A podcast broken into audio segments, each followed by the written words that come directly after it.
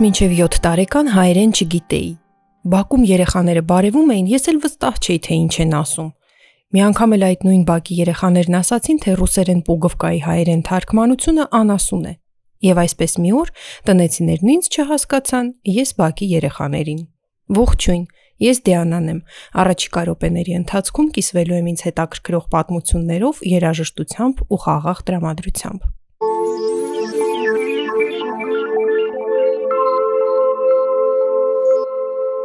Մելիսա Մորը իր նոր Holy Shit կամ հայհոյանքների համառոտ պատմությունը գրքում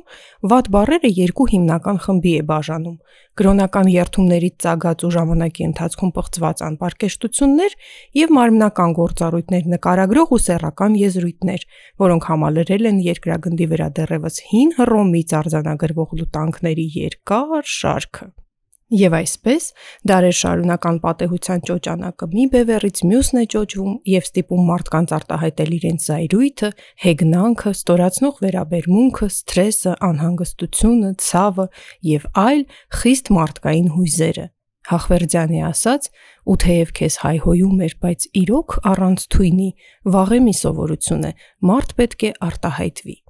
Իդեպ, փորձերի արդյունքում բազմաթիվ գիտնականներ ողրզել են, որ լալոխեզիան հայհոյելու միջոցով հույզերի թեթևացումը արագացնում է սրտի աշխատանքը, ինչն էլ իր հերթին կարճատև ժամանակով թեթևացնում է ցավը։ Բայց շատ մի ուրախացեք։ Նեյրոգիտնական Մարիա Ռիխտերի հետազոտությունը ցույց է տվել, որ վատ, ցավոտ, բացասական բառերը լսելը կամ նույնիսկ մտովի արտաբերելը ավելացնում են մարդու գլխուղեղում արչևի սինգուլար կեղևի սուբգենուալ հատվածում անուղակի մշակման գործընթացները։ Մարդկային լեզվով ասած, Մարիա Ռիխտերի ուսումնասիրությունն ապացուցել է, որ բացասական բառերը մարդու գլխուղեղում թաքուն ազատում են սթրեսը եւ անհանգստությունը հարուցող հորմոնները։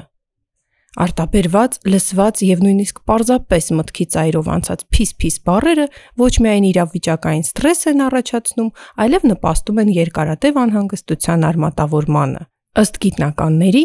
ուզածի չափ արտահայտվելիս գուցե մի պահ թեթևանաք, բայց անխուսափելիորեն կընկնեք ձեր դեմ աշխատող արատավոր շրջապտույտի մեջ։ Martha Wainwright, bloody motherfucking asshole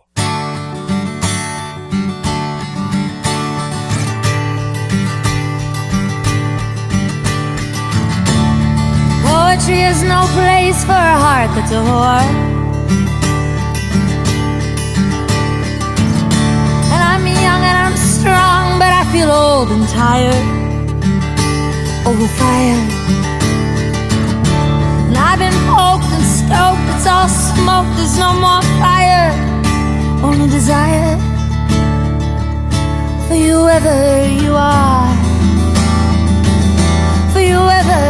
Are. Oh, you say my time here has been some sort of joke.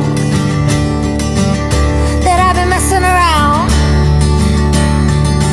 Some sort of incubating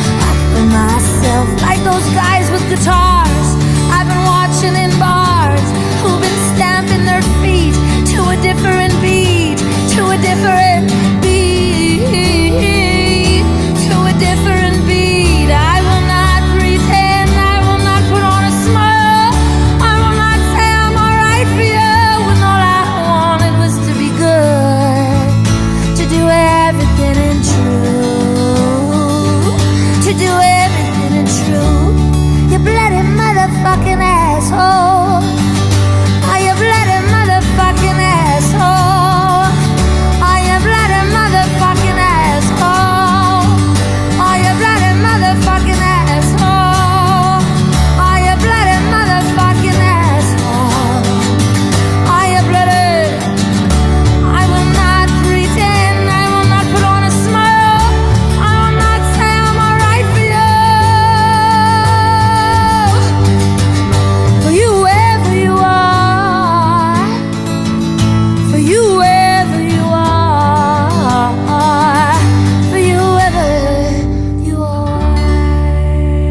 1980-ականներին նեյրոլեզվաբանները դժվարությամբ էին գումար հայթայթում հայհոյասեր անձանց ուղեղն ուսումնասիրելու համար։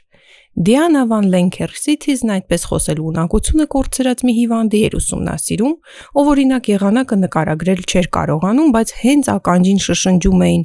Ռոնալդ Ռեյգան։ Անմիջապես գրողի ծոցն էր հիշում։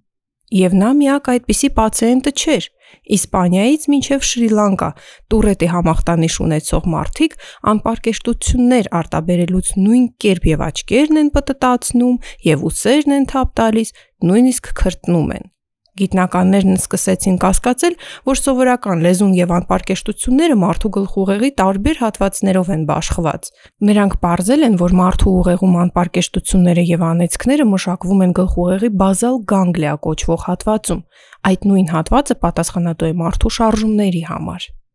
տաբուացված վիրավորական բառեր ու սպառնալիքներ արտաբերելիս ակտիվանում է նաև ոդքասթս լսողներին արդեն քաչ ծանոթ ամիգդալան, վտանգի մասին ահազանգող հատվածը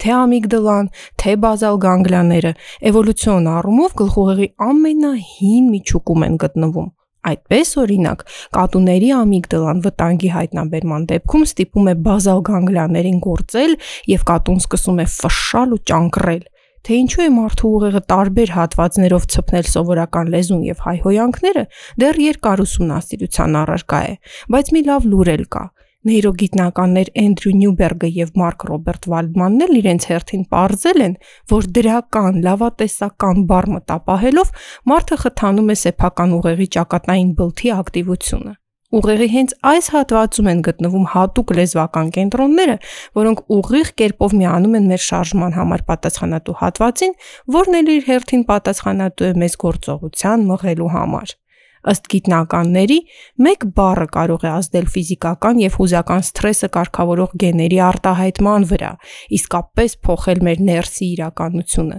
Եվ ինչպես ցույց են տվել հետազոտությունները, որքան երկար ենք կենտրոնանում դրական բառերի վրա, այնքան ավելի ենք ազդում ուղեղի այլ հատվածների վրա։ Դրա համար ես ոչ թե հայտնի քֆուրչի Լյուսիլ Բոգանի երկերից կդնեմ, այլ դրական արձագանքով Kings of Leon Echoing